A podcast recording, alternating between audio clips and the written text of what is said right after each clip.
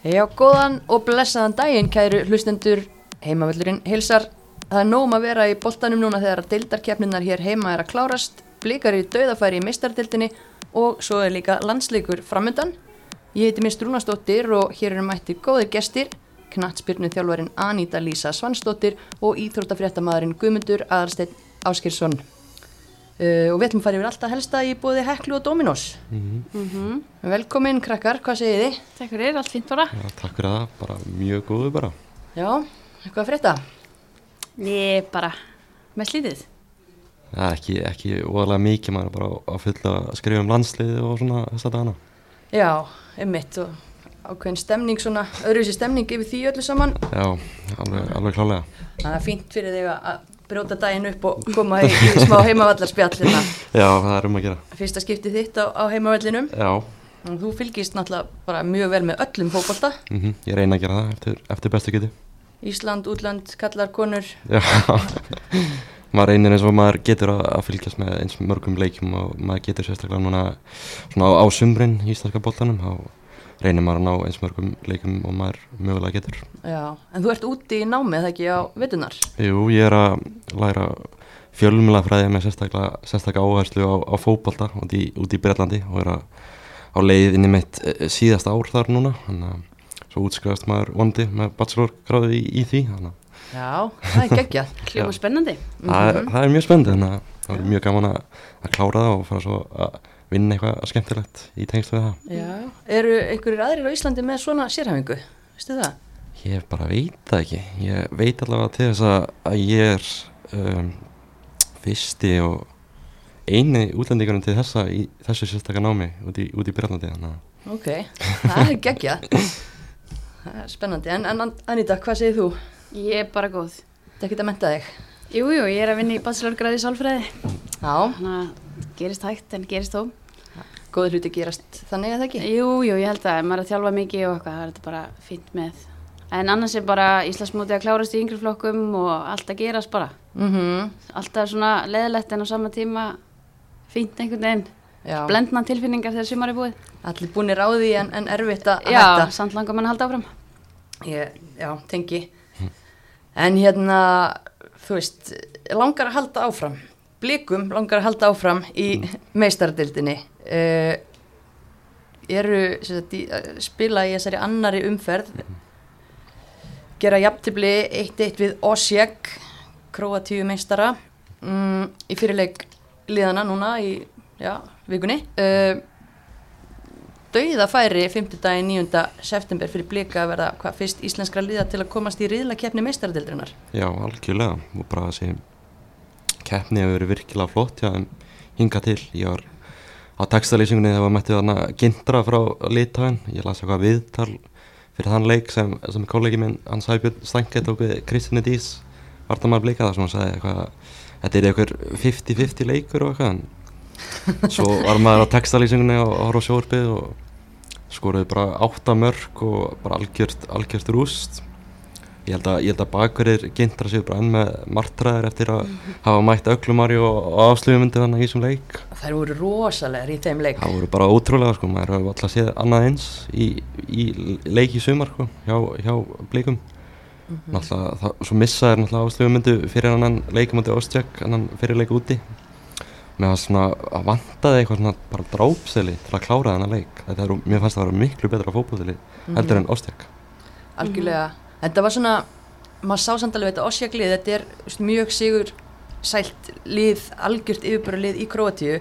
Og maður sér alveg að þær eru mjög þjættar og, og greinilega þekkja hvora aðra vel, veist, alls ekki eins góður í fótbolta og, og blikarnir, nei, nei. en þú veist, bara einhvern veginn vissu alveg hvað þær voru að gera. Og þetta var náttúrulega bara mikil svona slagsmál og boltið var mjög mikið bara upp í lofti og skoppandi sem að er ekki það sem blikarnir vilja gera. Nei. Þannig að veist, ég er svolítið forvitin að sjá hvernig með þessi setnileikur verður settur upp. Mhm. eins og segir, þetta er bara algjört er miklu, mér finnst það bara eftir að hafa hort á hann fyrirleik mér finnst það miklu betra fótballtili þetta er Óstjak og ég gerir bara kröfa þar að klára þetta Já, er þetta ekki núna í vikunni? Hvað, sjönda? Nýjunda, Níunda, já. eins og bara allir aðrir leikir. Ekki á fimmtudaginn? Já, Jú, Jú. fimmtudaginn. Það er bara, bara lengjudeildin og önnudeild, úslitaleikur og svaka dagur Þetta, en þetta er náttúrulega bara færi fyrir blika að fara alla leið mm já, stórt fyrir Ísland Það er að ná á kópásalli, bara allir að mæta og stiða blíkana. já, við verðum að gera það og það er líka bara einmitt verið að breyta þessari keppni meistaradild kvenna að verða bara alvöru hérna dæmi Mhm. það sem er alvöru velunafjö mm. Mhm. hvað er í bóði fyrir blíkana að komast í riðlakeppnina Keppnin er náttúrulega að stækka núna, eins og nefnið það náðan, það var riðlakeppni í fyrsta sinn. Þannig Mm. að koma 16 liði í riðlakeppni, koma Mhm. svo, svo er áttalega úslit eftir það. Og náttúrulega það verið að betur um bæta keppna með því að bjóða upp á þessa riðlakeppni, þar sem 16 bestu, bestu liðin fari í, í hana. Og með því að komast í riðlakeppna þá Mhm. ættu blíkar held ég að fá, ég var að skoða þetta um daginn, þetta er ykkur 60 miljónir króna sem myndi gera ég rosalega mikið fyrir, fyrir breiðabliks liði. Já, ég meina, íslensku kvennafókvöldi hefur ekkert verið með svona fjárhæður á ekki sem að vita allavega en þetta væri bara frábært og gefur líka kannski öðrum liðum svona smá búst að sjá að það er hægt að fara þessa leið og kannski bætir þetta líka bara íslensku deildina. Fá meiri samkeppni að því að lið sjá fram á að geta fengið pening þarna og algjörlega, Það kviknar öruglega á einhverjum stjórnaköllum hérna hér og þar að- Já. að sjá tækifæri þessu hægt að fá pening í kvennafólktanum þannig að það er bara þannig og, Getur við kannski séð í framtíðin að verið tvö íslensk lið í riðlakefni? Já, Þú veist, Valur lendi bara í einhvernum fáránlega erfiðum drætti hérna í byrjun mm Mhm. -hmm. núna. en gerðu bara vel, eða Mm. þú veist þannig lag og náttúrulega Án Elina Mettu og Mary Alice líka í þessum leik er, mér, maður sér alveg fram á þú veist að Valur og Breiðablik eins og staðni núna ættu alveg að geta verið þarna vonandi ári bara síðan mhm, Þannig klárt mál ef við kannski ræðum um hennar leika mútið Ostjak þannig að leikarinn á fórustunni. Mér fannst það bara klaufar að- að gefa það mark sem það fengið að ná sig. Það hefði alveg hæglega geta verið hægt að koma í veg fyrir það. já, já, þetta var svona að ég veit ekki, stundum maður sér þetta stundum hjá blikum einhvern veginn að það er eins og þeir ná ekki einhvern veginn að kjarna sig sko, mm. milli atriða, þetta var svona bara óþarfa einhvern veginn, æsingur, óðagott og bara eins og svolítið verið í sumar oft. Því miður þá, þá gerist þetta þarna líka. Mhm, Smá miskilningur í vörninni svo kemur telma allt og langt út í markinu. já, hefði alveg verið hægt að koma í veg fyrir þetta. Mér var samt Telma sérstaklega að vinna sér svolítið inn í leikin varði nokkuð vel í setna áleikinu þannig að maður gefi henni það. Já, algjörlega og, og hérna bara, þú veist, en maður leiksir fyrir mér Karitas Tómasdóttir, algjörlega frábara miðinni mjög góð. Hún bara, já, að Selma svo líka koma mjög sterkan inn á hægri vangin leys, leysi hlutverki sem áslög skildi eftir sig. Mm haldið þið að hérna, vilji stilli eins upp á fimmtudaginn? ég veit það ekki mér, mér fannst Tiffany McCarthy hún gaf ekki gaf liðin ekki mikið þarna fremst á vellunum en sé svo, svo sem ekki mikið veist, hvernig getur breyðablík sett veist, er Birta Georgsdóttir þá að fara að koma inn í liði fyrir hana veist, er hún að, ef hún fer út úr liðin Mm Hún er Já, það er spurning hvað hva gefi hún auka Já, endilega. en, en svo er náttúrulega gott bara að vera búin að sjá þetta lið einu sinni Mhm. live og aðeins að átta sig á kannski ennþá betur núna hvað er veikleikarnir liggja og hvaða leiðir verður hægt að reyna að fara. Búnar að mæta þeim úti á grasi og fá það svo heim á gerfigrasi sitt og, toppaðstæður og einmitt bara, þú veist, vonandi full stúka. já, það, maður gerir bara kröfu að það. Við verðum öll, öll að mæta, ef, ef sótt var hann reglugur lifa. Já, eins og það er að lifa. en svo ég bara ítrykka það finnst mér að að breyðablík eigi að, að klára þetta lið með allavega með að hann fyrirleikna það er miklu betri í, í leiknum. Mm bara svona síðasta snerting síðasta sending á, á loka þriðunum aðeins að klikka. Bara laga það og þá klára þetta 100% Já, ok, ekki Algjörlega. En hérna, það eru fleiri Íslendingar sem eru einmitt, í þessari meistaradild. Þórdís Hrönn var í liðinu hjá Apollon, kýpurmeisturunum, sem töpuðu frá, fyrir Karkiv frá Ukrænu. Mhm. Steffi Hardy á bekknum, hefur munum eftir henni frá Grindavík hérna. Já, ég heldur að maður nafnið Já, Já, það eru Kharkiv tí, þá. týpurar. Já, já, Þarna Ríó Hardy og Steffi Já, Hardy. já, já. Það eru báðar að núta, en Ríó er Geggjaðir. ekki meitt. Já. Já, ein í vörn og ein frammi, en mitt ein ekki. þegar þú segir það þá klikir þetta bjöllum það er oft svona að maður er að skoða út í heimi í meistaröldina þá kannast maður alltaf við eitthvað nöfn sem hafa verið að spila í íslenska boltanum. Algjörlega, það er mjög gaman sko. Það er eins og einmitt þarna í Gintra, þá dukkar hún upp, hún hérna, aðstóluðu mér, var, já, já, Mixone. Karlína Mixoni, já, já. já, þá var hún bara allt í mætt, átti að vera, að bekknum fyrst og kom svo inn á eftir Já. meðsli uppbytun og eitthvað. Tekin út af og greinilega ekki alveg heil. En hérna, en svo var kannski óvænt líka að uh, eða óvænt, kannski stærð talnana, Rósingar tapar 3-0 fyrir Hoffenheim sem að vann val 1-0 Já, og þú veist staðan var 2-0 held ég á 70 svo fá þær þriðjamarki á sig uppbóta tíma og svona skellur á heimavelli og Guðrún Arnardóttir er náttúrulega komin hérna þar inn og bara beint í liðið hjá þessu sterka besta liði Svíþjóðar já, Ég, ég, veist, ég held að Rósengard myndi vinna hana leik sko, með, með hvernig það er svona fóru langt í keppni í fyrra og, og þannig en Hoffenheim bara standa sig reikulega vel mm -hmm. en um mitt uh, hvernig líst ykkur á þessi félagskipti Guðrúnar? Bara, bara ótrúlega flott fyrir hana að komast í svona stórt félag. Bara sýnir það hversu vel hún er búin að standa sig í svona frekar slökulið júrgarðin í, í Svíða bara Mhm. hversu svona stórt nafn hún er að verða í Svíða já, hún stimplaði sér svo vel inn bara strax einhvern veginn. Mhm. hún á hvað, bara búið að tala inn bestu félagskiptin í Svíþóð Algjörlega. Þannig að hérna, þetta var bara stert fyrir hana að koma sér upp almennilega á blaðað mm -hmm. svona landsliðslega séð líka þá flytur hún að vera orðin stórkontendir þarna Já, í hjartað. Þetta er ansi, ansi stóri skór sem er samt að fara í hana hjá Rósengard hún kemur náttúrulega bara inn í liði fyrir Glótísi Berlu Mhm. sem er farin til, eh, til bæjan þannig að það verður gaman að sjá hvernig hún standa sig í Rósengard hún byrjar allan vel, hún var valinn Better You leikmaður vikunar hjá okkur. Mm. og uh, ég er einmitt með glaðning til ykkar krakkar frá Better You. Já, hérna er ég með magnesium flögur í Ná. baðið og da da da da D-vitamin munn úða. Já, fyrir okkur. Fyrir ykkur, fyrir gestina. Yes. gesti og gangandi að því að þetta eru geggjafurur við hulda erum alveg bara húgt á hérna, fyrir ekki saman í bað en hérna magnesium flugunar tölum Já, saman í síman í sikuru baðkarinu sko, slakið á. Emitt og hérna, nei bara endilega prófa þetta, þetta er geggjastöf og hérna við veljum alltaf emitt uh, Better You leikmann vikunar, en svo veljum við líka Better You leikmann mánaðarins.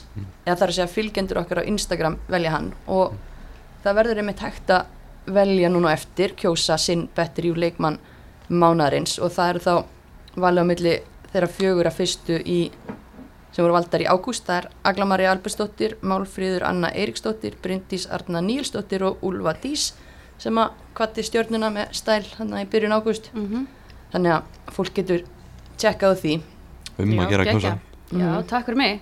Já, verður góður, Þetta bara segi, segið okkur ég hvernig ringi í því baði. Það ekki, getum tekið hérna svona grúpkól, yes. farið um málin? En uh, já, svo kannski, þú veist, aðeins bara aftur með meistaradildina því að það er ótrúlega gaman að eiga svona marga fulltrúa, þú veist, Chloe Kass alltaf okkar fulltrúi, hún gerir jafntefli með sínu lið Benfica Svava Rós eh, kemur inn á bekknum fyrir Bordeaux, tappa 3-2 fyrir Wolfsborg í hörkuleik. Mm og svo náttúrulega kannski Íslendinga slagurinn, Vólaringa og Hekken. Þú veist, Ingibjörg startar þar og bæði Amanda og Dilja og Ír koma inn á. Já. Og bara, þú veist, leikurinn fyrir 3-1 fyrir Hekken í Noregi. Mm þannig að þetta Hekkenlið er bara þvílíkur það er önni, gott. Mhm. bara geggjaðar Ætlar geti veit Rósengard einhverja samkeppni hann um titilin í, í Svíðu er það á seint eða? sko, ég sko, tölfræðilega séð virðist þar vera aðeins svo langt á eftir en það sem ég hef séð af þeim, Mhm. mér finnst það bara geggjaðar Mm ég er búin að vera með fylgjast vel með sænska boltari núna upp á síkastið og það eru bara, það eru ótrúlega góðar völduð yfir Kristjánstatanum er bara Já. í tveimur leikjum í rauninni Já, þú veist. Dilja verið alveg stórkostlega með hann já, og skil ekki alveg akkur hún bara startar ekki alltaf því að hún skilur alltaf sínu. Skilabóð til hjálfara hekkan hérna já, gjöra svo vel, starta Dilja og Ír og hún skilur sínu. Þannig að í meistaröldina skulum við kannski minna á það að það er engin út af Danmörk þannig að það mun kannski spila svolítið stórt hlutverk í þessu. Já, Mm. einmitt. Það voru enga alveg möguleika að koma tilbaka eða vinna 2-0 þá fyrir þetta bara í, í framleggingu já, það er bara þannig, Já. einmitt já. það er alveg fínt að taka út þessa úti, Já, já, mér finnst það. úti marka reglu Mm og ef, ef breyðaflik Ostjök endar einhvern veginn 2-2 þá fer það bara í framleggingu líka þannig að við erum ekki að hafa neina ágjur að út við alla mörgum en við ætlum ekki að eh, gera jafntefli blikar við sér, blikar ætla að vinna og sér já, já, það er takkit að þurfum samfærandi ekki að hafa neina ágjur að Takk því þetta að klára þetta bara. Já, ég held að En hérna, þú veist þær þurfa að fara að spila í Pepsi Max núna um helgina, spila við stjórnun á sunnudaginn. Mhm. spiluðu við Keflavík eftir fyrri hérna, umferðina, það er hann brjála álag í Kópavænum Mhm. og valskonur náttúrulega vissulega, já, ekki kannski lungu, en jú, lungu búnar að- vinna deildina og, og blikar búnar að, svo sem tryggja sér þetta annað sæti. Um, Núna ætti, núna, núna ætti breyðablík bara að rótir að liðna þess bara Mhm. hugsa um, hugsa um erfubikefna koma, komast í riðalakefna alltaf já, einmitt, hann, ætla, vilja alveg duglegur að- rótira, sko, gera marga breytingar í leikjum og öðru, en, en það er kannski einmitt nokkri leikmannan á bekknu sem hafa ekki verið að starta neitt Set, setja bara viktis í liljun í byrjanliði og Vigdís Edda líka, hún, Mhm. a- mér er, ég er alveg til að sjá meira henni. Mhm. og keira byrtu í gang og, og sjá svo til hvort að það verði byrta Tiffany sem startar. Algjörlega. Þannig að heyrðu það vilja minn við erum með hérna, skilabóða góð, góð ráð hérna alveg drjúpa af okkur en, en sko e, þú veist, jú, það er bara átt um þetta blessaða þriðasæti en aðal baráttan er náttúrulega bara þessi, þetta stríð á botninum og þannig höfum við ykkur tíman séð svona spennandi botnbaráttu í efstu til hvenna Nei, bara langt síðan allavega. það er eiginlega alltaf þannig eða svona í gegnum tíðina að það er eitt lið sem er bara löngu fallið þú veist, Já. bara eftir þrjárum fyrir líku við sko og, og hérna Bara geggja Bara hvað liðin eru, þú veist, bara vel undirbúin fyrir stóra sviðið, bara eins og tindastóll. mm Þó að þeir séu neðstar núna, þá er þetta bara búið að vera frábært sumar hefum. þetta er erfitt með tindastól þetta tap það var svolítið ústæðu leikur fyrir það síðast það mátti kjapla og þetta tap var alveg, alveg rándýrt fyrir þær Já, það var stort. -hmm. en á samanskapi ótrúlega mikilvægt fyrir keflvíkinga og bara geggja þau þeim að taka jafntöfli á móti blikum og, taka svo þetta fjögur stig eftir að hafa verið í þessari rosalegu brekku þar og undan, það sem að einmitt, svo það bara komið aftur fram, þær hafa verið að spila bara fínt út á velli í allt sumar en þetta hefur bara ekki dotti með þeim einhvern veginn. Það var örgulega mjög súrt þetta jafntölum átti breyðablika því að þær voru bara einhvernum þrejum fjórum myndum frá sérinu Já. Já. svo kemur eitthvað skot sem fyrir að varna manni og eitthvað ótrúlega óefni.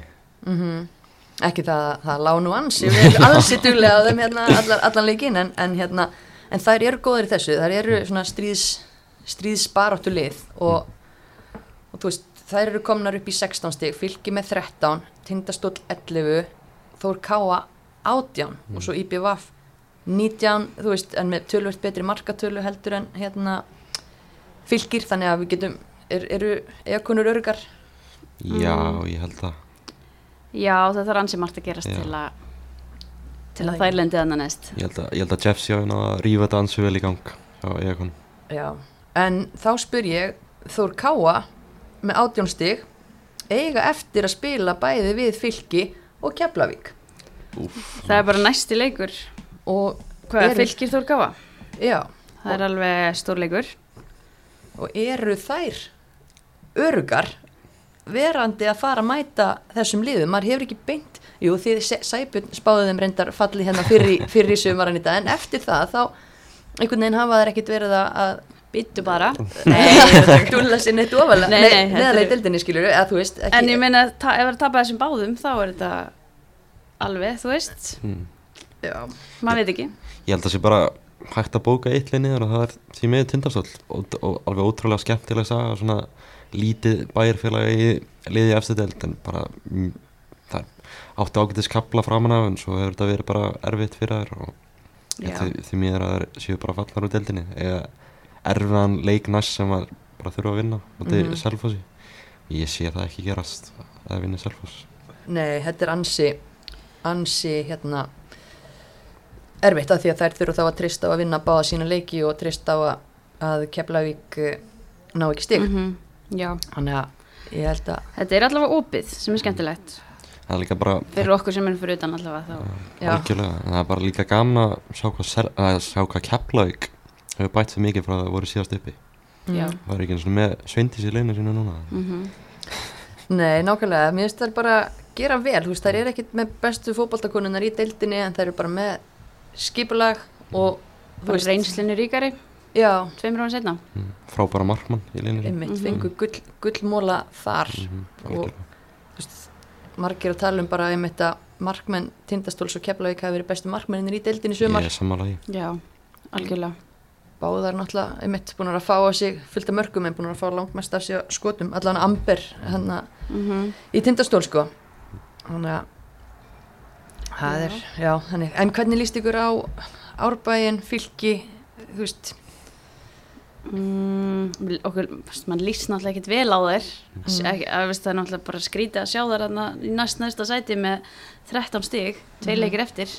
Þetta er ekki staðan sem við byggust við að það er í fyrirmót. Nei, fá erfitt að segja eitthvað hvað hefur klikkað en þetta er svona búið að vera töff sumar í árbænum held ég bara. Mhm, búið að vera ansið þungt sömur í járbanum bæði já, hjá kallaliðin og kannaliðin Já. fílingur einhver já, þetta er leiðilegt en það er eiga eftir að taka á móti Þór Ká og svo þurfa að fara til eiga í lokaumferni þannig að já, þetta er ekkit grín en þær voru flottar á móti þrótti.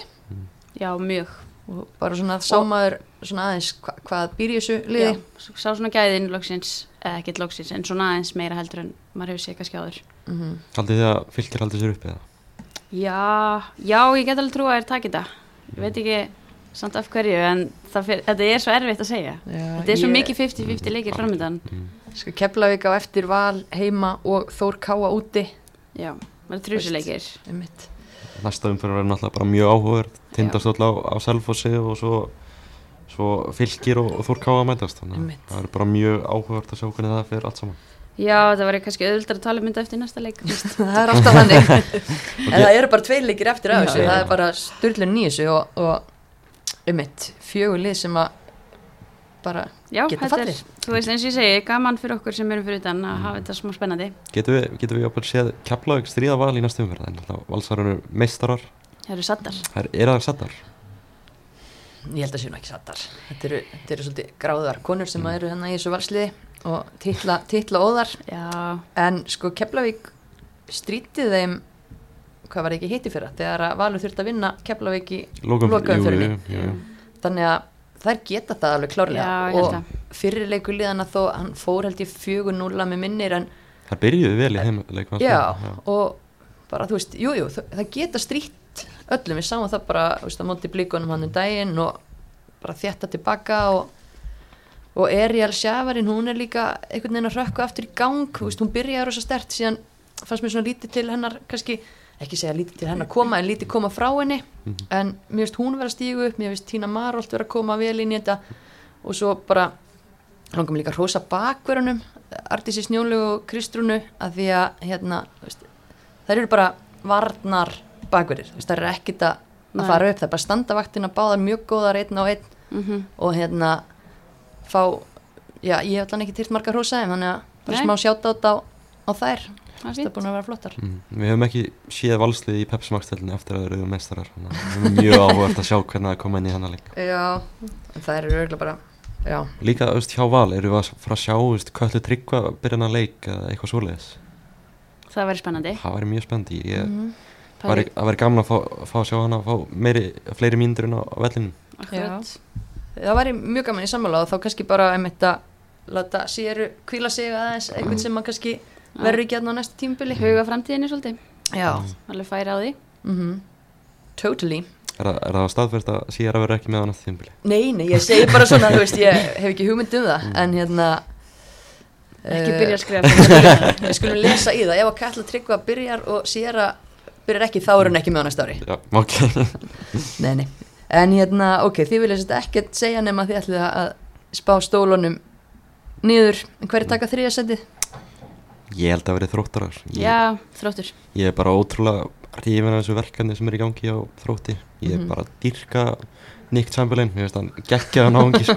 Ok, og bara, veist, hann er greinlega bara ótrúlega fær þjálfari líka hann er greinlega vel til þess þannig að svo hefur Danny Rhodes komið ótrúlega vel inn, það er með Ólöfu Sigriði Lindur Líf skemmt gröftar Álvöldur Rósa á miðinni, þetta er bara Mhm. geggjalið sko. mm Algjörlega, svo erum við með Írisi Dögg í markinu Mhm. og hún var mitt í Nature's 1 hraðaspurningum hjá okkur á, hérna, hvað bara núna fyrir, já, fyrir tveim. dögum, já, rosa bara, Þetta- tíminn er hann afstæður, já, en það er líka geggjuð, hérna, kempa sem að kom kannski svolítið óvart til þrótta fyrir tímubili og það er Mhm. gaman mitt með þessum hraðaspurningum sem að Nature's 1 býður upp á að, þú veist, við erum aðeins að reyna að kynnast leikmunum betur og þú veist náttúrulega sjáum það að spila fótbotta allan daginn en það eru svo margar geggjaðar típur í þessari deild sem er svo gaman að fá að svona einmitt, kynnast aðeins. Akkurat. Þið eru jafnöldur eða ekki, þú og Íris? Jú, Já, mannst þetta er good old days yes, hvort í mann, hún var alltaf geggið í marki. Ekki? Jú, jú, hún hefur alltaf verið frábær og svo náttúrulega fór hún í fylki líka og var frábær þar og bara búin að flottan fyrir maður einhvern veginn bjóst við að hún væri kannski hætt, eða ekki hætt en svona einhvern veginn byrja að slaka á. En svo er hún bara búin að sína sumar að hún er ekkert hætt sko. Var hann hægt fyrir þetta tímumbil? Hún var á bekknum hjá blikum í, í fyrra og maður var svona, þú veist, einmitt, allir bara vera á bekknum eða langaði meira? Og hann greinlega langar í meira og einmitt. Já, maður held kannski hún væri bara svona sátt með það hlutverk bara, mm, tvekja bætna móðir já, og, fínt að vera í boltanum og svona bara á bekknum einhvern veginn. Mhm. sumum finnst fínt að vera varamarkmenn. Já, En svo sá maður þetta félagskipti og, og var svona, já, ég var tvístiga með það, Mhm. hvort að þetta væri rétt að skrifa fyrir þrótt. mm En í rauninni hefur hún bara verið frábær fyrir þær. algjörlega og ég kutt fólk til þess að tjekka á þessum Nature State hraðaspurningu inn á hérna, Instagramun okkar og kynnast markmanninum Knáa Írisi. Írisi yes, en hérna svona fréttamólar kannski úr deildinni áhugavert Brennalof Vera er að framlengja á Selfossi en hún veit ekkert hver er að þjálfa hann næsta tímbili Allavega ekki, hún kannski veit það en við ekki. Hva, hver er líklegur kandidat til að taka við af Alfreð?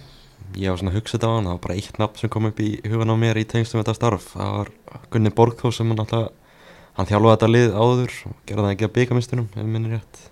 Nei, var- Alfreð a- gerir já, það. Alfreð Hann sem gerði reyndi, hann gunni Það Gunni reyndi að forma þær í úsliðuleikin eða ekki? Jú, í hann fór- jakkafutum og, og Hann svona en Hann er að þjálfa þarna í yngri flokkunum, einhver, hann er yfir þjálfari í yngri flokka, þannig að ég, hann er svona augljósi kosturinn, það er bara að takja hann inn í starfið. Ég veit ekki hvort hann hefur áhuga í- sjálfur að fara aftur inn í þetta starf, mhm. það er bara komið í ljós. Mm -hmm. Riðum einhver önnum nöfn í þetta? Nei. Nei, mér finnst það örgulega bara svolítið sniðugt í Selfossi að fá Gunni inn í þetta aftur. Mm. Já, já, ég held að veist, hann er náttúrulega bara allt í öllu í þessu félagi og búin að taka sér með meistara kalla, meistara kvenna, yngri flokka, ekki Mhm. bara komið tími á annan ring. Mögulega, Hann bara er halda áfram að byggja hún á. Allt, allt múlið mann, tekur bara allt á sér. Hann er alltaf ferskur líka, þú veist, þannig að þetta er ekki eins og maður sé að ráða ykkur samtuna risaðilu, heldur bara Nei, mann sem að er í stöðuri hérna, endurmentun og ferð og flugi og, Einmitt. og bara hérna, já, Það var líka Rósa Alfred búin að gera alveg ótrúlega flott starf hana á Sölfossi og fer, fer að með byggamestara til í, í töskunni þannig að það verður, ég held að hann eigi eftir að, að ná langt í þjólun Alfred. heldur hann verði næsti þjálfari kallalið skrindavíkur eða? Mér finnst það ansið líklegt. Já, það verður allan að fróðlega en ég er samfélag að Alfred búin að gera geggja hluti, fekk kannski svolítið baun á sig í fyrra og þú veist, ekkit alltaf sangjart en það er bara allir sem að Hann bauði upp á það í fyrra Já, og allt og allt og tók það bara á kassan síðan sem var líka bara fínt. Já, já, en ég segi þú veist að, að bara búin að gera frábæra hluti frá því að hann tekur við þessu liði í fyrstu dild og Frábær þjálfari, þannig að þetta er bara flott skrif fyrir hann persónulega. mm, Mhm. bara virkilega fýtt náðingi líka. Já.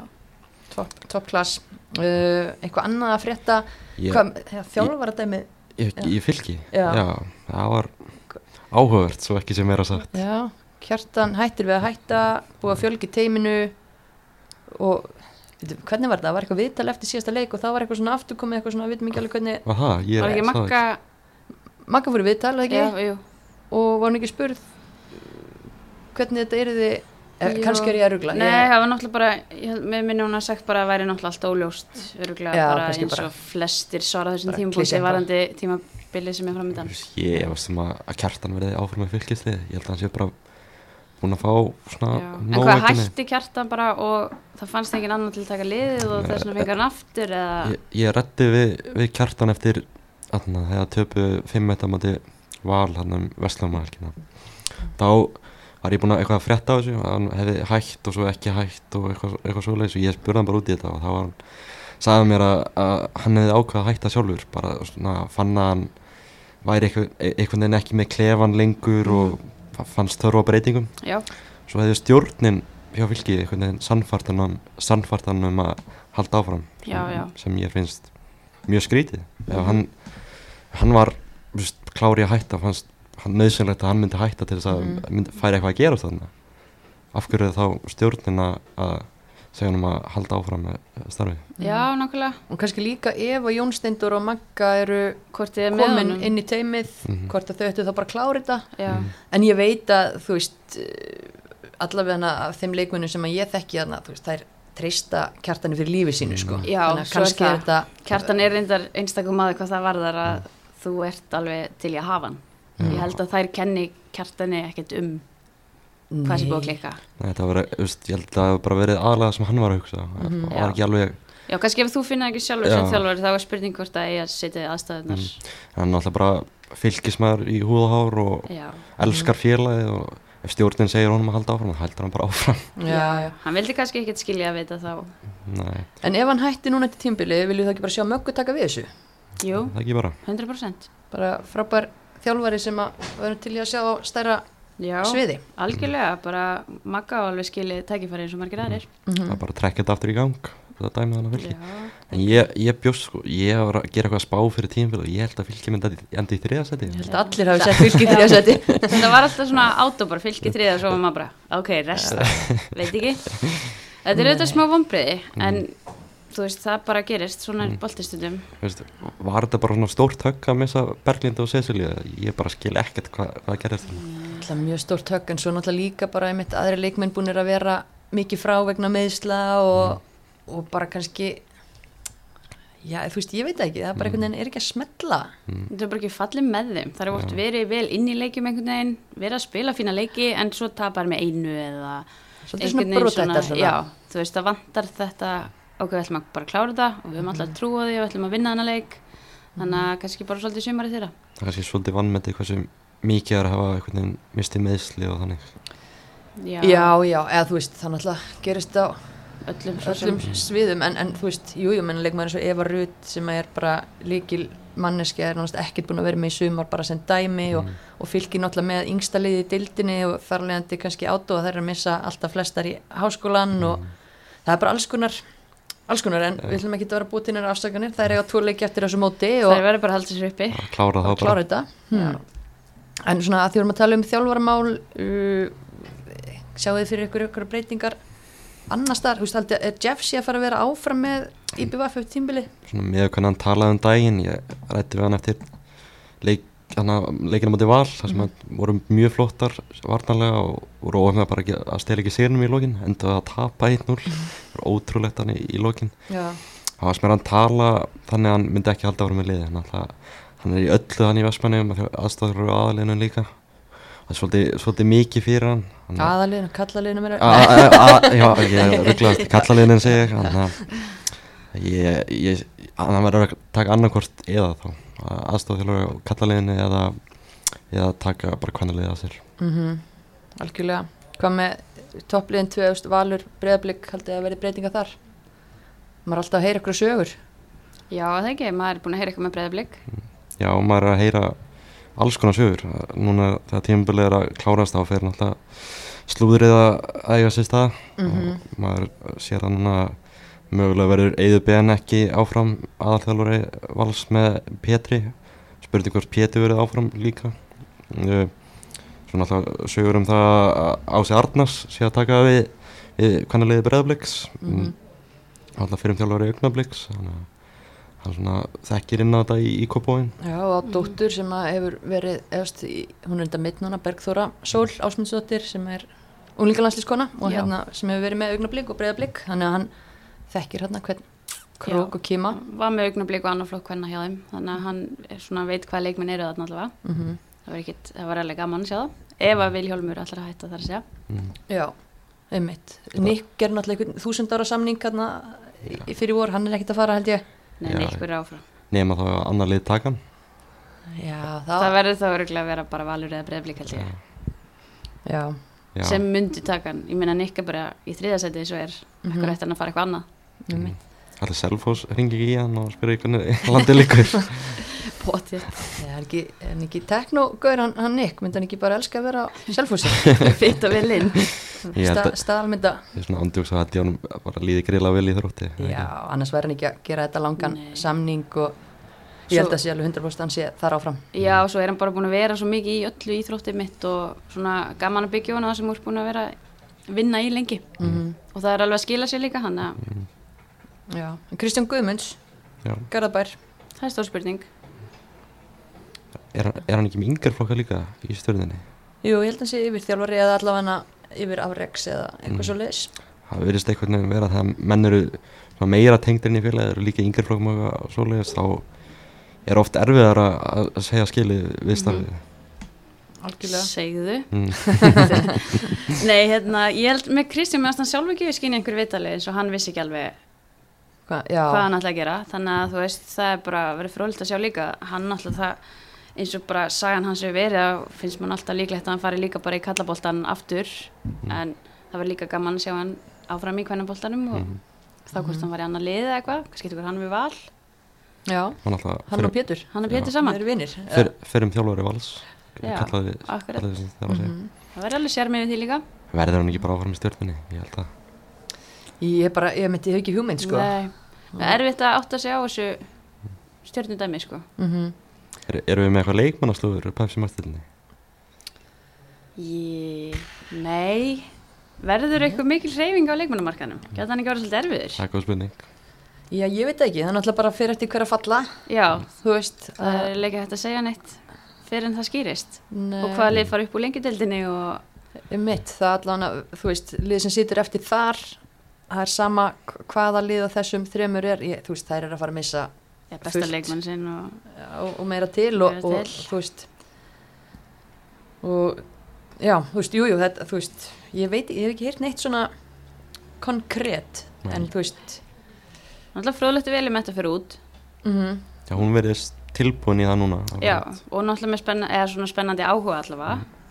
Og það er spurning þá hvað gerist eins og með Ollu eða hvað mhm, í val allavega. Það er áhugavert með þetta valstæmi það er alltaf með tvo alveg gríðarlega spennandi leikmenn út á láni í Ollu og Auði. Hvort þær fái sem sagt, starra hlutverk á næsta tíðanbili í, í valsliðinu. Hvenær þeirra moment verður? Já, ég held hvort það missi það alveg eða gefa mikið momenti fljótlega eða? já, það lítur bara að vera. Já, stýttist í það, en ég menna Sandra Sigurðardóttir er alltaf að fara að taka EM ár mm og það er ekkit verið að losa hann úr markinu á EM ári og bara, erum við þá jafnvel að, fara að sjá þú veist, samkeppna milli þeirra? Er það bara dýrt fyrir Auði að sitja á bekknum? Hún, nei, auðvitað má ekki sitja á Nei. bekknum, ekki eftir síðustu tímabil, Nei. þannig að tekur kannski þá eitt ár í viðbóta láni, ég veit ekki hvar hugur söndru er, hvort hún sé að hugsa bara með EM eða hvort hún sé kannski bara ekkit varan að huga því að setja hanskana á hilluna, hún ætla geggju formi og bara engin ástæða til að hætta. Akkurat. Þannig að þetta er þetta er góð spurning. Áhugavert. Getum við veist, séð breyðablík heyrst heyri í val og tjekka á Auði eða eitthvað svoleiðis? Nei, ég held ekki, eða þú veist ég, nei, það er nokkuð. fær talum að trösti áfram? Já, já, já, já, hún verður bara betri á næsta ári, það er Mm. bara þannig, hún Mm. er bara að vaksa og, og læra og, og þú veist, það er bara ýmsar breytingarna hjá blíkum, en blíkar náttúrulega er að missa, þú veist, áslömundu ég meina, Mm. Agla Marja, það fer náttúrulega eftir hvað gerist í hvort það komist í þessa riðlakefni Mhm. þú veist, Svolítið langar þá trikki Öglu Marju að fara út eða vill hún fara í meistardildina með hérna klubnum sínum? Svo, veist þetta? svo er spurning hvort þú veist, vilji verður þjálfur breyðablík sér ef það er komast í reyðleikefnina Mhm, í reyðleikefni bara leikin í vetur ekkert tíma já, þannig að Ási getur bara verið að þjálfa breyðablík í, í reyðleikefni já væri, það, þetta er allt mjög snúið. væri það samt svo, ekki ósangjönd vilji kemur með reyðleikefni og svo tekur einhver annar þjálfur við. Sko, ég held að ef að, að ég held að villi, þú veist, ákveð ef hann vill vera áfram, þá verður Mm. hann áfram. Já, já, þannig að ef að þessar sögursagnir um ása eru réttar, þá er það því að villi hefur ákveðið að kalla það gott. Mm, en, en hérna, þannig að þá myndi maður ekki segja ósangjart, þú veist, Mm. og kannski er þið villi bara með á bekknum skiluru, Mm. það væri ekkit ólíklegt, en hvað veit maður?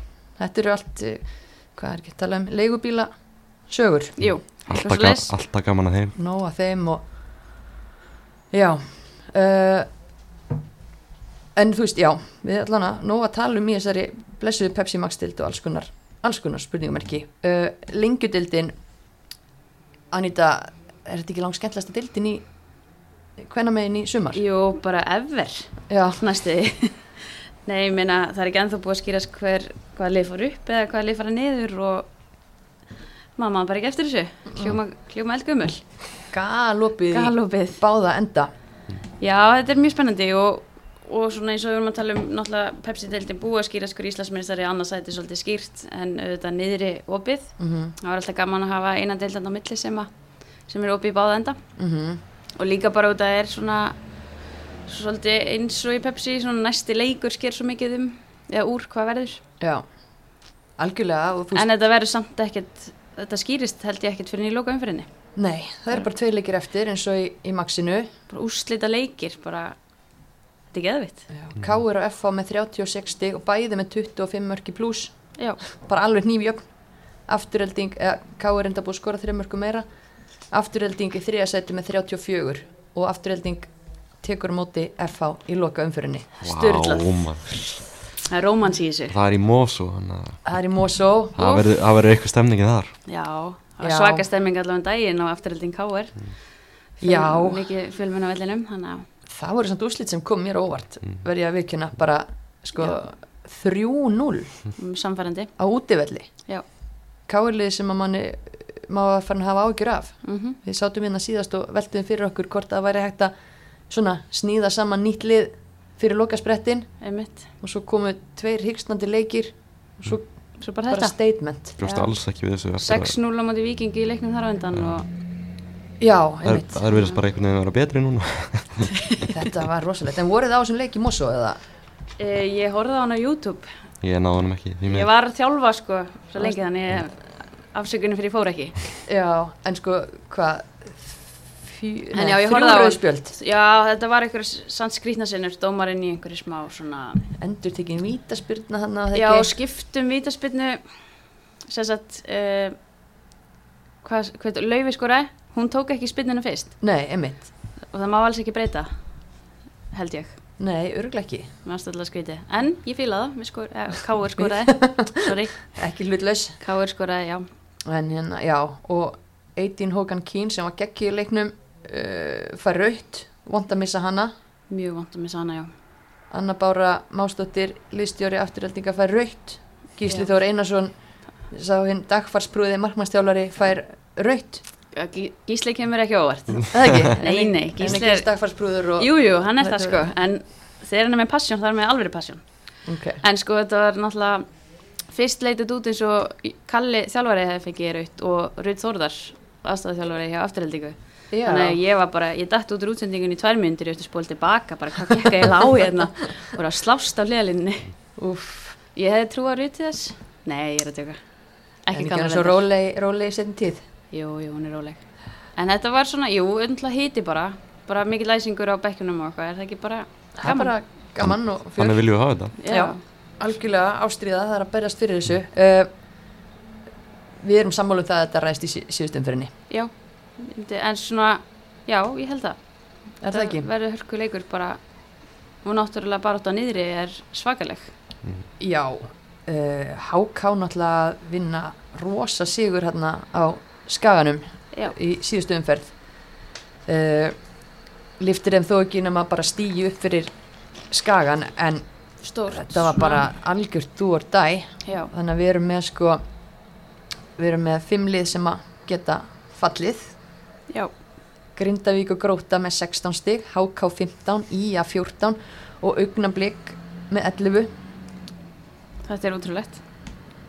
viljum við hérna dæma Augnablík niður eins og þið vildu dæma stólana niður Heyrðu. áðan? Nei, Nei, sko, augnablík á eftir að spila við Gróttu Og háká. og Háká. Mhm, Við getum ekki dæmt það niður. Nei. Sammála Það var- er bara stór leikir í rauninni og augnablík eru alltaf til alls líklegar. Þó þetta hefur ekki alveg verið sumari þeirra, þá eru þarna leikmenn með svakaleg fótboltaleg, eða svona fótboltagæði. algjörlega Þannig að, Og markatalan er ekki það slæm, þannig að já, fjögusti gæti mögulega að bjarga þeim. akkurat. Einmitt. og þær geta ennþá náð sjötta seti ef allt Já, það er eiginlega ótrúlegt. Já, gengur upp, en hérna, nei, algjörlega og þær eru, náttúrulega, þær byrja þetta móta að vinna káver, gleymu því ekki, Já. þú veist, og eru búin að, hérna, gera vel og svo líka bara kannski hamingi óskir í kópóin því að annarflokkurinn er að vara að vera Íslandsmeistari, Akkurat. breyðablík augnablik, þannig einhver er nú efni viðurinn hann Mhm. og það er ekki Já. sömu stelpur, allavega ekki yngungu að vera að spila í, hérna, Augnablik. að einhverju skráður í breyðablík og bara bæknum þar þannig að hérna, þetta er alveg þú veist eins og ég segi, bara gæðin er til staðar, það verður bara fráleitt að sjá það er náttúrulega ungar en Mhm. hvort það verður ekki bara að gýra þær í þessa tvo leiki og vilja halda sér uppi Klálega leikir sem hægt er að vinna fyrir þær. já, 100% En hvað með hérna Ía?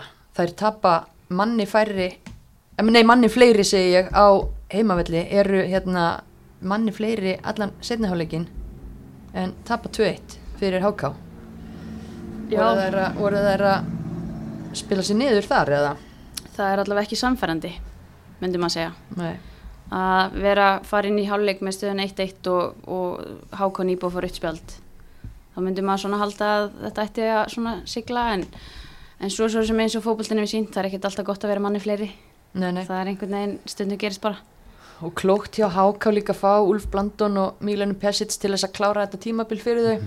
Akkurat. Það rosa mikilvægt þegar að lið eru komin svona með baki upp í vegga að geta hóa í svona reynslu og þekkingu á leiknum. Já, Ég sá eitthvað inn á smáuna æfingu hjá þeim um, um daginn, ég var eitthvað að skrifa í kórnum og það er allavega verið að drilla þetta vel þannig í, í kórnum, það er alveg kláttmál.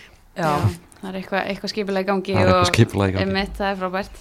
þarf ekki að vera flókið, það er að gera einföldu hlutina vel og, og það er allan ekki fallseti eins og er þegar þessi tvei leikir eru eftir. Svo er nú alveg magna með grindahaugliðið sem að við hugum ekkert við hverju ætti að búast af í, í sumar en þær náðu sér náttúrulega í svindkatana í Kristabel og Dúrú Já. og heldur betur búin að vera drjú fyrir þær. Og það er bara einhvern veginn einmitt, tap ekki leikjum. Nei, en samt erfitt að setja þær á að þeir vinni endilega þennan leik, eða skilur Já, Það er einhvern veginn, það eru til alls líklegar en líka alveg jafn líklegar að tapa stundum. mm Eða að gera jafntefli frekar. já, En alltaf, saga sumasins í þessari deilt, það er Guðrún Elisabeth í afturhaldningu. já, fjótti fjó Já, Alveg. svaglegt. Magnaður árangur, 21 mark í, 21 mark í, í 15 leikjum.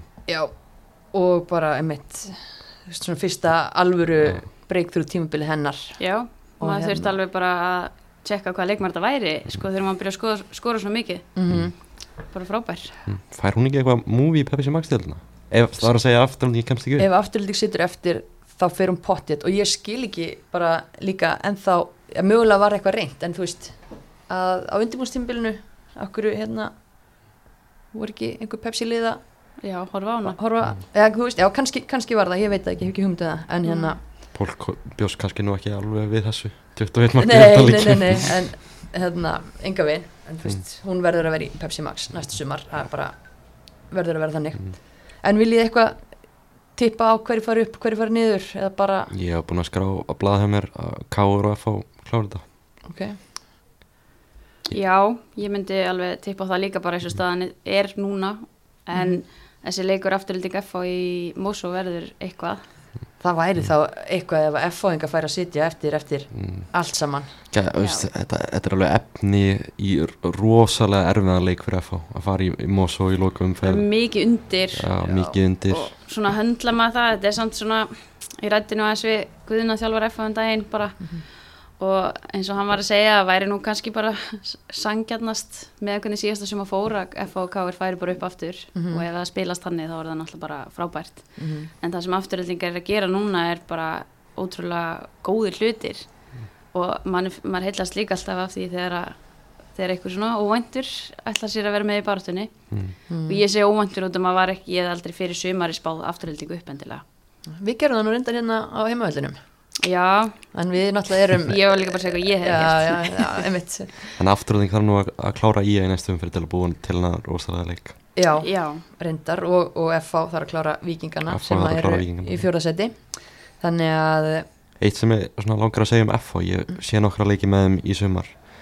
Það er eitt leikmaðurna sem ég bara verður að vera í Pepsi Max á næsta tímabili. Það er Sunna á vinstarbækurinn hérna. Hún er ótrúlega góð. mm búin að eiga frábært tímabil já, þessi fótur hennar, Bara þetta er Pepsi Max fótur á ekki heim í lengi til allavega. Það er bara að vera í Pepsi Max.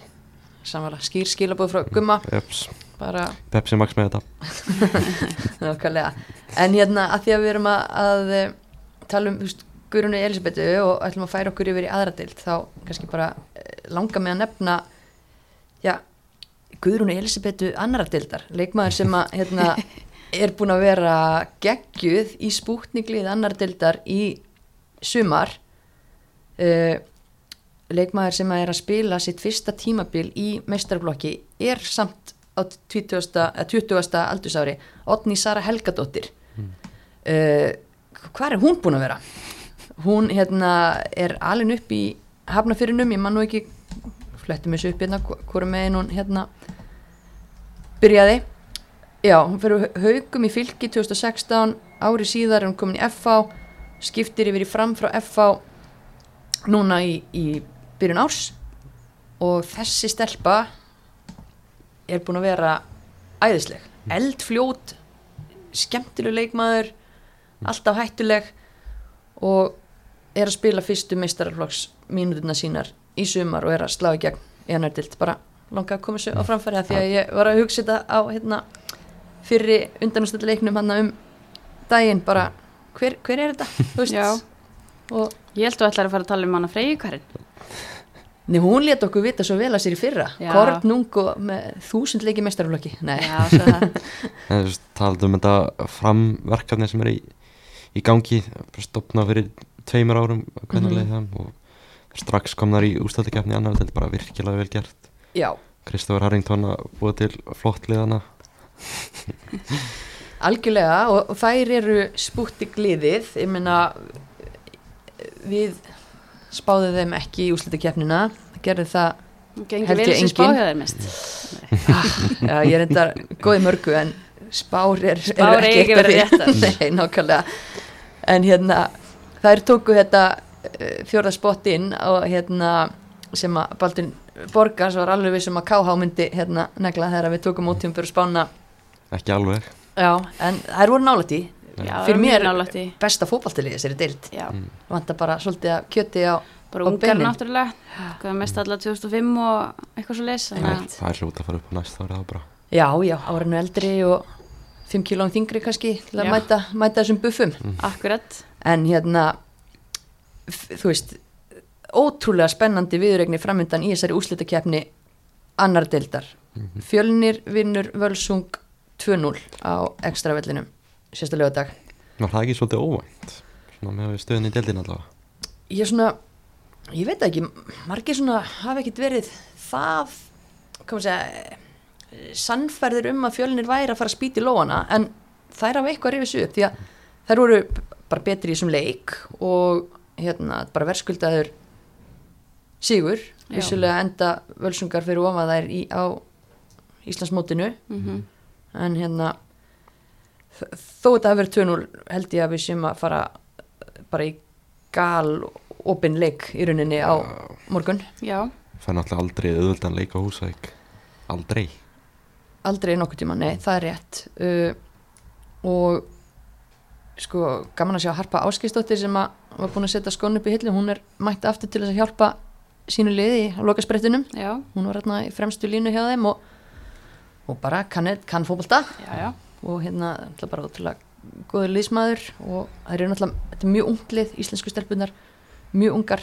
Árdís Rún fyrirlið fætt 2001, hún er búin að vera frábæri sumar. Marta Sóley, 2003, ótrúlega skemmtilega leikmaður. Mm og hérna já, ég er búin að vera mjög hrifin af völsungsliðinu það sem ég hef séð, ekki séð nóg mikið en Nei, bara góðir útlendingar líka sem að styrkja þetta vel hjá þeim Það er gaman að sjá þegar liðið út á landi er að gera flotta, flotta hluti. Mm og margir kannski sem að hefðu heldur ekki trú á þeim fyrir tímabilið þannig laga, þar falla náttúrulega úr lengjunni í fyrra og það var svona mm, kannski seint að skýrast hvernig leikmannahópurinn yrði að voru að missa mikla reynslu pósta þannig að þær hafa klárlega bara staðið fyrir sínu og, og rúmlega það sama hvernig þetta Já, Dæmi fer. 100% maður var kannski pínur hrættur um eftir þetta fall rauninni síðasta sumar hvernig það myndi koma til leiks. Mm bara einmitt kannski svona svona leikja leikmenn þá ekki með og en þeir greinlega bara leikmenn til að stígu upp í staðinn.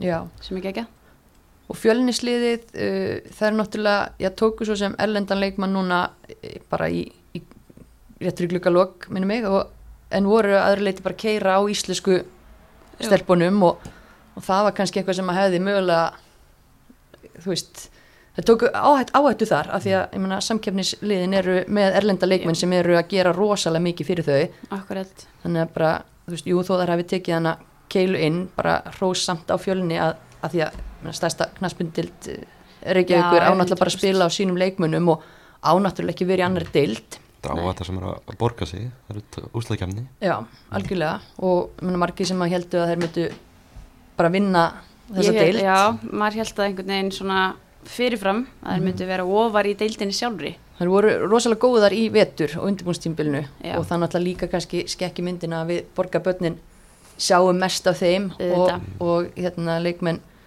bæði fyrir austan og, og norðan sem eru kannski skólaði veturinn eða þú veist hóparnir Mhm. minni og bara minna marka. Menn að fjölnir hefur verið með sinn hóp en uh, já, bara það er geggjari stöðu fara 2-0 norður en þetta verður stríð. Já, það er alls ekki hægt að útiloka það að Völsungur komin tilbaka. Ekki á heimaðalli Nei, 100% uh, mér langar líka að hrósa leikmanni, Elvi Rutt Búadóttir, Já, uh, búin að vera ógeðslega góð fyrir fjölinni í sumar. Mm Svona þeirra jafn besti leikmaður. Einmitt. Mikilvægasti mögulega. Já, ég held að svona mjög mikill líkill og hlín fyrirliðin náttúrulega líka náttúrulega rosa mikilvæg hérna og hún setur þetta mikilvæga mark Já, þetta 2-0 mark.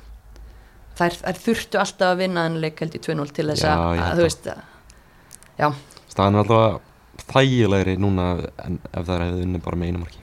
Mm hvernig haldið þetta fari? Úff, 2-1 fyrir Völsung. Já. Ú, Ú, eitt mark sem að mun Jep, skilja milli, ok. Ég, púf, ég ætla að segja þetta fari í, í framleggingu En fer þetta ekki í framleggingu er nokkuð útvaldamarki þessu? Ég nefnilega veit það ekki, ég skal bara viðkynna það. Jú, er það ekki? ég held að það sé útivallar mark í þessu það, ég held að sé ekki búið að breyta. Þú veist þó að sé búið að breyta í, í Ég að, já, Evropaboltanum ég held að sé útvallumark en ég ætla samt að vera sammála gumma Já. en ég ætla að bæta um betur, þetta fyrir vító. Fyrir vító, óf, það verður allt brjála og sækja þetta fyrir vító. Já, Það er segið bara það bara þannig. Völsungu vinni 2-0 heima Já, já, ég bara ég ætla að segja Ég ég spákona, ég skiptir ekki máli hvað ég, segi. ég ætla að segja að Óskar Páll, vinnu minn, hann stýr þessu og reyðarna Heyrðu, hann fekk spjald fyrir, hérna, fyrir töð í síðasta leik. Kemur ekkert Nei.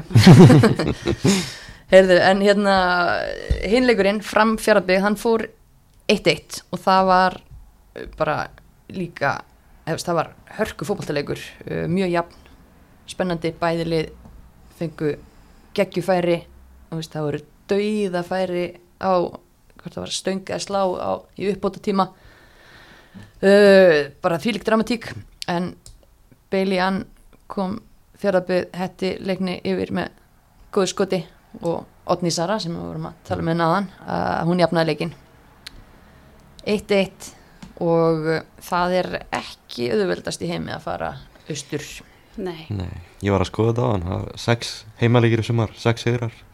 Markatalan 53-6 fyrir fjaraðbygða leini ok, Næ, þetta verður ekki eðvöld fyrir fram. Nei, Nei. guðmur góður.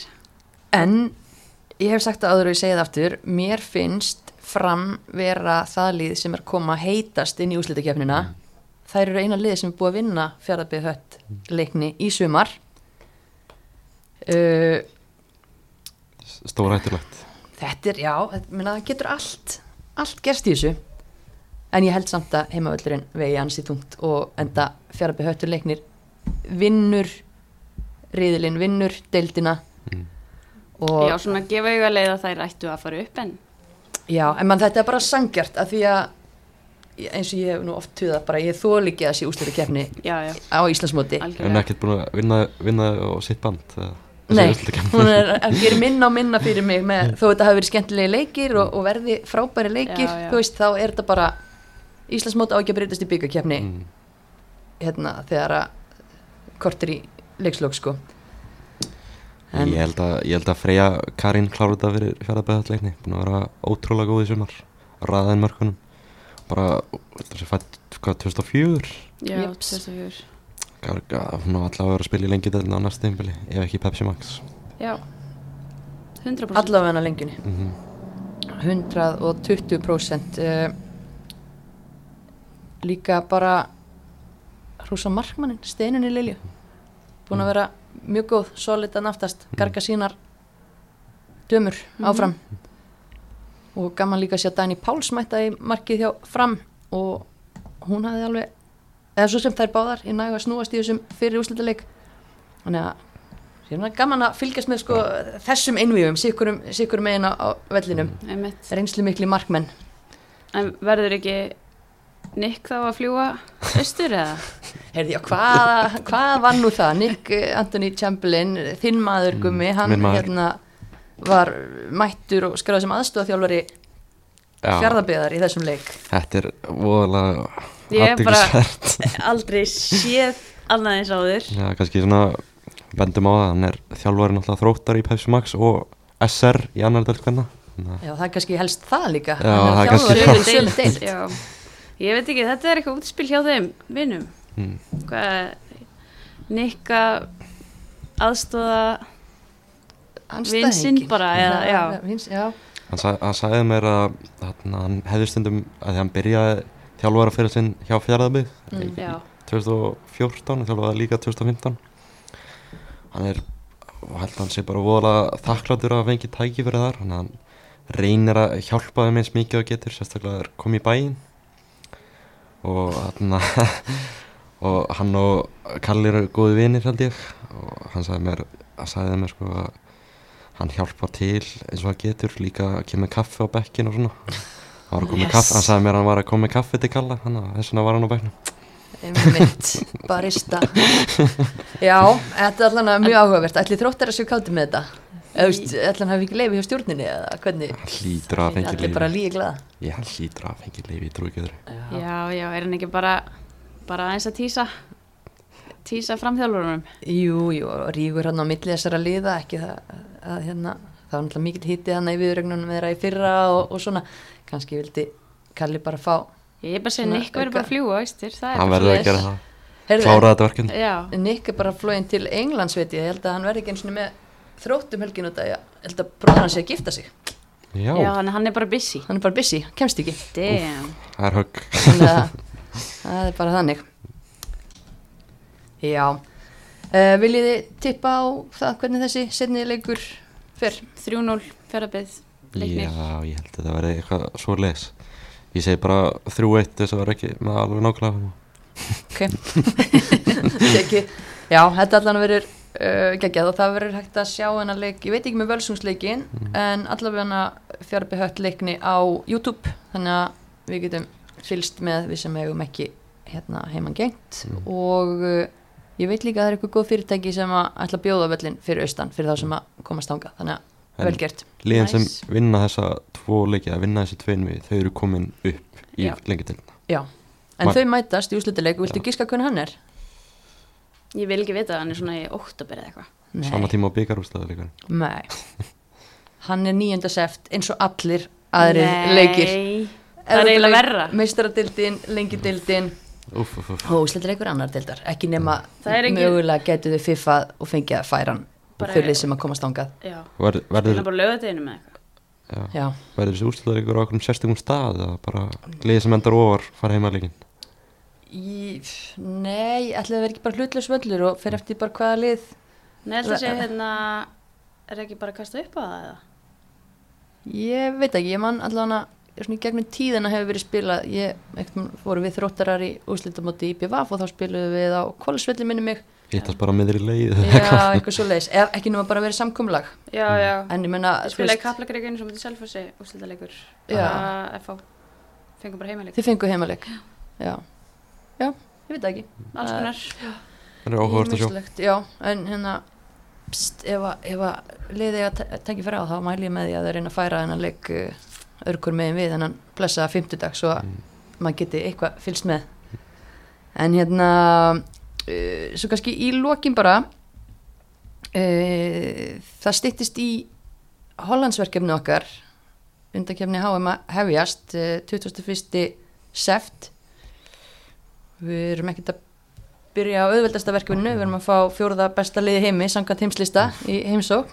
Það eru gaman samt að, að sjá Vivian Mindema koma á lögutarsvöld það er alvöru leikmaður. Það er alvöru leikmaður. Mhm. og reyndar gaman að þú skuli nefna hann að að því að ég er nefnilega með Dominos spurninguna á ykkur Mhm. og hún snýst um Vivian Midema nú, nú.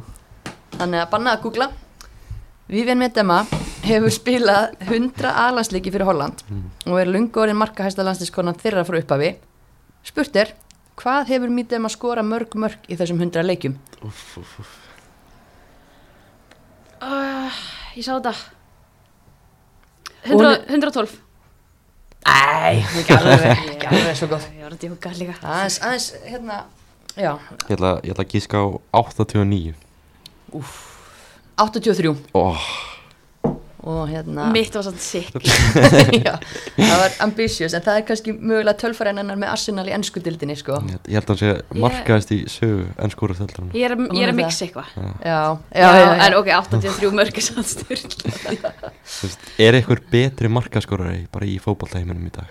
Ég held ekki Nei, ég get þetta ekki, ég myndi að mér það. Nei, Hún er alveg útrúlega hún er geggjuð og hún er að fara að koma á löðalsvöll. Hver ætla að stoppa hana? Það er eins gott að við erum með fullt af góðum er bara Glótis og Guðrún og Ingibjörg og fleiri hann. henda bara, við verðum eiginlega bara hendi í þryggja manna vörð Við erum með svo marga góða meðveri Já, Guðni Átnadóttir líka, Anna Björk veist, Það er ómögulegt verk að velja hennar landsinsóp Velja meðveri hausverku fyrir steina, en Mm. svona spámaðins í landslýshópnum, uh, hann verður vantilega ekki tilkynntur fyrir bara eftir viku, tvær. Uh, Ef við vona á einhverju, þú veist, einhverju óvæntu þar? Ég væri til að sjá hann velja til í Somers í landsinsópin Er hún ekki búin að spila fyrir því? Á Hún klálega bara. Íslendinga í Svíþjóð, til dæmis, meina, Hún er klálega búin að því. mm. bara þú veist, þessi sagan er í Svíþjóð er bara mögnuð kemur svona hljómar maður það hljómað þannig að hún fær bara svona einhverja áhörnabröðu þannig að hakkan mm bara heilla fólk, fær samning Mhm. og er bara búin að sokka marga með framistuðu sinni bara verið geggjuð algjörlega, mm. bara, já, stórkastleg og, og já, ég er samanlega, það var gaman að- sjá hana fara hann inn einhverjar aðrar sem að hafa ekki verið áður en svona eru búin að vera að gera tilkall ég er Sem hafa ekki verið áður. eða þú veist, svona kannski ekki eitthvað svona obvious einhverjar sem er að banka koma aftur eða Nei, ég væri til í að sjá Amanda Andradóttir í hófnum þó, já, jú, auðvitað. En þótt, hún er ekki búin að spila mikið eitthvað klímaði meðislu og þess að þar en ég vil bara pff, sjá KSI það að sína svona áhuga að fá hana í landsöðhópana mm. og ég hef eitthvað heyrt að þessi búið að vera eitthvað að ringja hana og eitthvað svo, svo, svoleiðis en ég bara, já, ég vona bara að hún verða alltaf í U19 eða þá í alanslegin já, U19 og U17 náttúrulega líka fara í verkefni. Já, þannig að, ég meina klart mála, hún hlýtur að vera valin í U19 mm, hún er alltaf í ná U19 alltaf að vera í landsliðinu. á að vera í landsleginu alveg 100% það, þú veist, þú ert ekkert að spila í mistarli í Nórið og getur ekkert í fótbolta. Nei, það er nokkuð ljóst. Bara, þú veist síninni við höfum áhuga og þannig að hún fara ekki að velja normunna Akkurat. nei, við vonum að Ingi Björg sé en það duglega að fara við málum með henni en hver eru svona heitastar að fara inn í þetta verkefni hver eru heitustu íslensku leikmennir í dag fyrir utan Diljó Sveindís, alltaf, Mm. sem betur fyrr. mm Aklamari er búin að vera flott. -hmm. Áslu Áslu mynda. klárlega það er ekki bara Áslu og Öglumari á báðum kventunum Eli Metta líka. Þetta er svona, Berglindberg nýbúin að skipta um lið já, gott lið þetta er alltaf sami hausverkun. Já. Við eigum marga góða leikmenn. Mm En horfum núna til dæmis Íslandsmeistaralið Vals, Mm. Mist Edvarsdóttir talandi um góða miðverði Mhm. Já, Er þetta að líta fram hjá framistu hennar í sumar? við eigum bara svo fáranlega mikið að góða meðverðum það er erfitt það er svo erfitt þú er komið miðverði sem er að spila harra leveli. já, Mm Þú veist, hún er búin að vera frábær hérna í Íslandi en við erum bara að tala um, bara Guðrún er að spila núna frábærlega með Rósikard og þú veist, við getum eiginlega ekki hort fram hjá því líka. Nei, og en mistu líka þannig að hún getur spila marga stöður. Hún er það. Já, og hún er geggjuð í hóp. Mhm. og þú ert að tekja í Mörg box. þó hann var kannski ekki starter. Mm uh, Já, bara, já. líka bara til að hendin inn á í fyrstum leikadröfum dekka mítið og vinna hana í, í skalla sköllunum og líka bara annar miðveru sem er búin að eiga eða tværara sem er búin að eiga frábært sumar og þú veist, Arna Sif og Anna Maria bara geggjaðar í deildin í sumar. Einmitt. Munu þær bara líða fyrir hversu marga góða eigum? Vákaði með marga góða meðverði Já, ég, efst, ég held það út að- ég held að hinn sé bara að spila á hæra leveli og það er þá bara spurning hvort að þær þurfa bara að skoða það, það líka ef það ætla sér. Mm og svo ertu með þú veist, Kristin Dís sem var í síðasta landshóp. Já, Já, það er alveg Heiðdís búin að vera að spila Heiðdís er líka. bara, já, einmitt, já, já, stíðin minn. Já, já. Hvað, alvöru hausverkur núna. Já, hvað verður þetta 22 manna, 80 manna hópur og Mm. 16 miðverðir er bara, þú veist, eitthvað svo leiðis Nei, segi svona en hérna, þú veist uh, þessi leikur 21. seft uh, geggja að byrja þess að undankefni við erum með ágætist rekord gegn hollendingum en hollenska liðin alltaf búið að vera að bæta, Bæta sig, sig. gríðarlega Mm. mm. veist, uh, ég við séns já, já ég, ég held að við getum allavega reynd að ná í stig. Já, já, það er allt hægt. En svona auðvitað fyrirfram auðveldar að spá Hollandi sigri. Mm en ég meina, ég veit ekki, þetta er sn- snýst nýtt náttúrulega bara um hvernig ætlum við að stoppa þær og þeirra helstu menn og það er ekki margir í heiminu sem geta stoppað þær. Mm. þannig að það verður alveg mikið afreg myndi ég segja ef við náum játöfli mm. væri galið að henda þið bara í þryggja manna hafstandakerfi með alla á miðveru sem við eigum. Nei, Nei, Stein er náttúrulega ekki kannski, þú veist, hann er náttúrulega bara mjög trúr Já. sínum fræðum og hefur náða að gera gott með sitt upplegg, upplegg, upplegg, jésús, vá, svona rispi plata. En uh, þar sem hann hefur verið, þú veist, þannig að maður sér ekki alveg að hann sem svona frekar, hérna, hvað maður segja, fast heldin maður sé Breyti. kannski að fara að breyta, sko, Mhm. en en svo er spurning hvað að gera á móti svona sterku liði. Mhm. mm það er alveg spurning. En ég held að við bara byggjum spennt eftir að sjá. Ótrúlega þetta er alveg spennandi. -hmm. en eru að sjá okkur að leikmenn framar á vetnum sem er að gera tilkall í hópin ég var til dæmis búin að skrifa ídumarinn í val mér finnst hún að vera ótrúlega góð í sumar. Já. kannski of stórst að fara í landstöðshópin en það er þetta ekki alltaf að taka mið út frá hinu verkefnunum líka? Jú, uh, yngri landsliðs Jú, en þú veist, Ídamarinn staði sér vel Mm. þar og einmitt bara búin að eiga briljant sumar fyrir val við hverja, þú veist, samkeppnin Já. og tala um samkeppnin inn á miðjunni mm -hmm. Óluf, Sigurður það var alltaf með Elinu Metti og Berglindi fyrir að Já.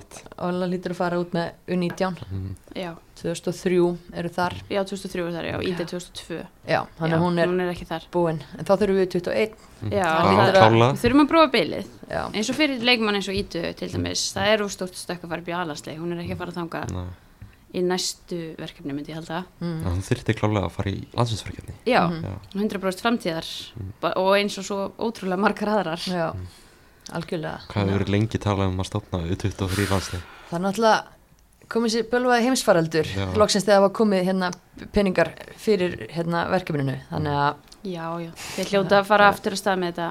Já, við trúum ekki öðru, nei, við erum jákvæð. Við erum það. En, en, með, en með markverðina? Já. Um, Þetta er er Sandra. Sandra er að byrjar. Að, Cecilia er náttúrulega búin að gerði stórt tilkall í þessum vinandurlandsleikjum síðast. Flott. Hún gerir það. Mm. mm. ég held að auður verði líka í hóp. Þetta er svona eins og í kallalandsliðinu. Þetta er Hannes vs. Rúnar Alex. Og ég held að það sé bara mjög er mjög skoðanir á því. Mm Einn í val og einn í Englandi. Já, og bara ungur, eldri reynsla. Þetta er svona alveg einn stæmi. Mér finnst það bara að vera í öllum stöðum bara greiðlega spennandi leikmenn að koma upp. Já, markverðastæðan er með Cecilia og Auði og svo Alexandra greiðlega spennandi leikmenn mm Ekki að flæði skeri stödd. Nei, styrlaða stelpur. Mm. mm Já Hvernig ætla hann gefa út hóp? Ég held að sé svona tíu dagar í það. Eitthvað í kringum 10. september kannski. Já. Spennandi. Mm. mjög. Mm já, Heyriði, en hérna Við erum svona tæma dagskrána en það er eitt eftir og það er alltaf síðast en ekki síst endum alla okkar þætti á að velja hekluna. Já, og við fengum fjölmargar tilnefningar eins og við fáum alltaf þegar við spurjum fylgjendur okkar á Instagram. Mm, þetta skiptið er eh, kemur heklan úr Grindavík. Og það er Petra Rós Ólafsdóttir sem er formaður meistarflokksráðs Kvenna hjá Grindavík. Búin að vera þar árum saman og bara hugsa hrikalega vel um stelpuna sínar uh, er bara í hvað maður að segja, taka alla baróttu, þú veist, ég breytist baróttu innan félagsins og út af við og, og annað og, mm. og lætur ekki vaði yfir sig og, og hérna bara greiðarlega mikilvægt 100% og hún er á öllum leikjum, þú veist, með liðin á bekknum líka og ótrúlega duglega að auðlýsa viðbyrði og allt, hún er bara a- allt í öllu límið þarna í Grindavík Mhm. Það er svo ótrúlega mikilvægt að hafa svona fólki í kringum fótboltan Já, á Íslandi. Þetta gengur ekki gengur ekki öðru vísi, þannig að Petra Rós uh, þó fyrir hefur verið fær hérna heklu útnefninguna Frábært. í dag, já. Og svo hérna, hún náttúrulega spilaði líka í gamlu daga með Grindavík. Og hérna dóttirinnar Una Rós sem er núna leikmaður liðsins, hún hefur ert hérna fótinn, Já, kröftugan kröftuga skottfót móður sínar og sér um að skora mörkin í, í dag. Einmitt. fyrir Grindavík, þannig. Að yes, en uh, dagskræðin tæmt eða hvað, það er náttúrulega enskiboltin að fara stað. Stór helgi árum þetta það er hérna stórleikur í strax í fyrstu umferð Arsenal Chelsea. Að geta ánendur hort á Mídema sem við höfum búin að ræða hérna geta- mikið um. geta svona skáta hana fyrir hana landsleik. Já, og Arsenal var líka að sækja Tobin Heath bandarísku Já. landskonna. Arsenal verður með rosalli það er aldrei hægt að afskrifa Emma Hayes og hennar hennar konu sko. Chelsea? Og Nei. það er náttúrulega Íslandingar í, í deildinni líka. Mm Marja Þórisdóttir náttúrulega í, í Manchester United. Mhm. á íslenskan pappan er í norska landsliðinu. Já, svo erum við með Dagný, Dagný Brynjarsdóttir í, í Vestam hún að fara inn í sitt fyrsta heila tímambil kom mjög Mhm. sterk inn á, á síðast tímambili og er bara á, á virkilega flottum staðana held ég. Já, klálega svo náttúrulega ja, lókum að Cecilia er að koma inn í að klárir hann ekki fyrst tímambili í Svíþjóð? Fer svo til Everton? Ég er, er nokkuð viss um það. Já, það verður gaman að sjá hvernig hvers svona hlutverk hennar verður þegar hann kemur til Everton. Mhm. Og Everton er bara með virkilega virkilega flott lið og verður örgulega hann allavega í topp 5 held ég. Já. Mjög spennandi titil bara þetta framöndan held ég hverjar, hverjar þykja líklegastar, er það Chelsea eða? Ég held þetta verði á, á milli Arsenal, Chelsea og Manchester City. Mhm. kannski getur United blanda sér inn í barna. Þau eru komið með nýjan þjálfara. Var að þjálfa hérna, Orlando Pride. Já. Gunn Dirsi í Orlando Pride. Og var þar áður hjá Birmingham ok, það er áhugavert að sjá hvernig það verður. Að United er bara búið að vera með eitt þjálfara að hinga til að Casey Stoney. Mhm. Hún hætti í fúsi. hún hætti að smá fúsi. búið að vera algjört rugglana hjá United í sumar. Búin að vera lengi að leita þjálfara og aðstæður ekki alveg upp á tíu. Vonandi leysaðu úr því að, og, sjá, og svo sjáum við bara hvernig það fer. Mhm. Já, þetta verður spennandi. já, ekki allana, já, þó íslensku deildirnar sé að líðandi lok, þá mun okkur ekki leðast í vetur. Og svo er náttúrulega díska úrstöldin að byrja líka. Glódís og Karolína og Alexandra og svo Sveindís þegar hún er búin í Svíþjóð það er alltaf að gera smar Allt að gerast. þetta er bara orðið fullt starfa að reyna að fylgjast með öllum þessum fótballtakonum okkar. Já, gekkja. það eru geggjar, en þeir eru líka geggjuð og hérna ég ætla að þakka ykkur kærlega fyrir að að koma og fara yfir málin. Mm, og þakka ykkur kæru hlustendur fyrir að hlusta. Minnum á Instagramu okkar. Tjekka á því og vera virk og lífleg. Þanga til næst